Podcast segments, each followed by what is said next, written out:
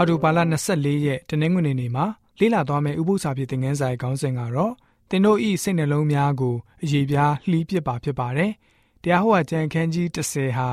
အခန်းကြီး9ကနေစတင်ပြီးတော့ဖျားရှင်ရဲ့အခြေခံကြတဲ့ဗြိဉ္ဉ်ကို ပြန်ပြီးတော့တည်မြဲစေဖို့ဣတိလလူတွေနဲ့ပြန်ပြီးတော့တစ္ဆာဆိုတဲ့အကြောင်းအရာပဲဖြစ်ပါတယ်။တရားဟောကျမ်းဟာအထူးသဖြင့်ဗြိဉ္ဉ်နဲ့ပတ်သက်တဲ့အကြောင်းတွေကိုစီစဉ်ရေးသားထားပါတယ်။ဟောရက်အရက်မှာ အလွန်ကြီးကျယ်တဲ့အပြစ်ကိုပြုပြီးတဲ့နောက်မှာဘုရားသခင်ဟာဆိုရင်ဗြိဉ္ဉ်ကိုပြန်ပြီးတော့ဖွဲ့ဆိုပြန်ပါတယ်။ခဏတာမောရှိယာဆိုရင်သူတို့နဲ့ခွဲခွာနေတာကို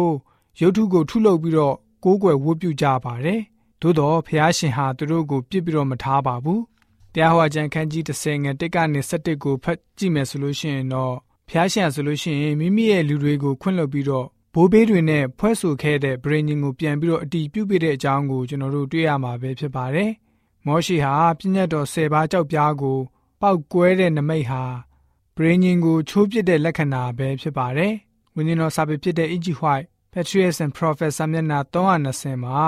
သူဟာဣသေလလူတွေရဲ့ပြစ်မှုအတွက်အလွန်ယွံမုန်းကြောင်းကို ပြသတဲ့သဘောနဲ့ကြောက်ပြားကိုမြေပေါ်ပေါက်ချလိုက်ပါတယ်။ အဲဒီကြောက်ပြားတွေဟာလည်းပဲလူလူကြီးရဲ့ရှေ့မှောက်မှာကြေမွသွားခဲ့ပါတယ်။အဓိပ္ပာယ်ကတော့သူတို့ဟာမိမိတို့ရဲ့ဖျားနဲ့ပြုတဲ့ဗြိဉ္ဉ်ကိုချိုးပစ်လိုက်ပြီဖြစ်ပါတယ်။ဒါကြောင့်ဖျားရှင်ဟာလည်းပဲသူတို့နဲ့ပြုတဲ့ဗြိဉ္ဉ်ကိုချိုးပစ်လိုက်ပါတယ်။ဆိုပြီးတော့မှ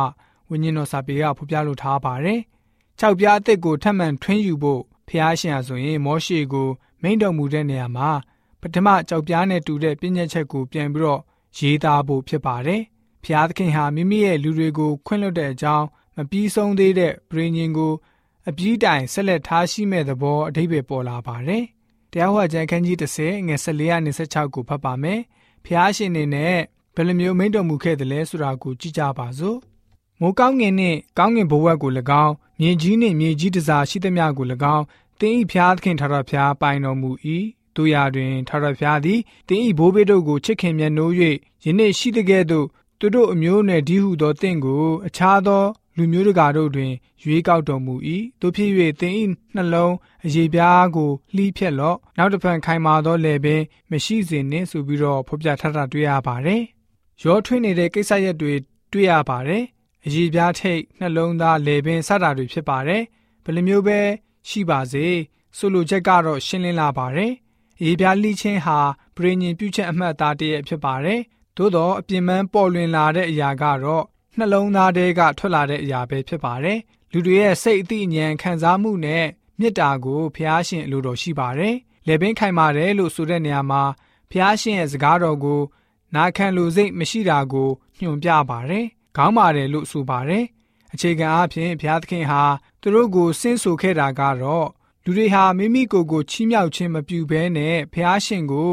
ကိုယ်စိတ်နှလုံးနဲ့ဆက်ကပ်ကြဖို့ တောင်းဆိုခဲ့တာပဲဖြစ်ပါတယ်။ဒီတကြောင့်ကျွန်တော်တို့ယုံကြည်သူများအနေနဲ့ဖျားရှာဆိုလို့ရှိရင်ကျွန်တော်တို့ကိုခွင့်လွှတ်ခဲ့တဲ့အချိန်တွေကိုပြန်လည်ပြီးတော့စဉ်းစားကြည့်ပါကျွန်တော်တို့ရဲ့စိတ်နှလုံးသားတွေကိုမာကြောစေခြင်းမရှိဘဲနဲ့ဖျားရှင်ရဲ့စကားတော်တွေကိုနာခံလိုစိတ်နဲ့နေ့စဉ်အသက်ရှင်တဲ့ယုံကြည်သူတွေဖြစ်စေဖို့အတွက်တနင်္ဂနွေနေ့ဥပုသ္စာဖြစ်တဲ့ငန်းစာကဖော်ပြထားပါတယ်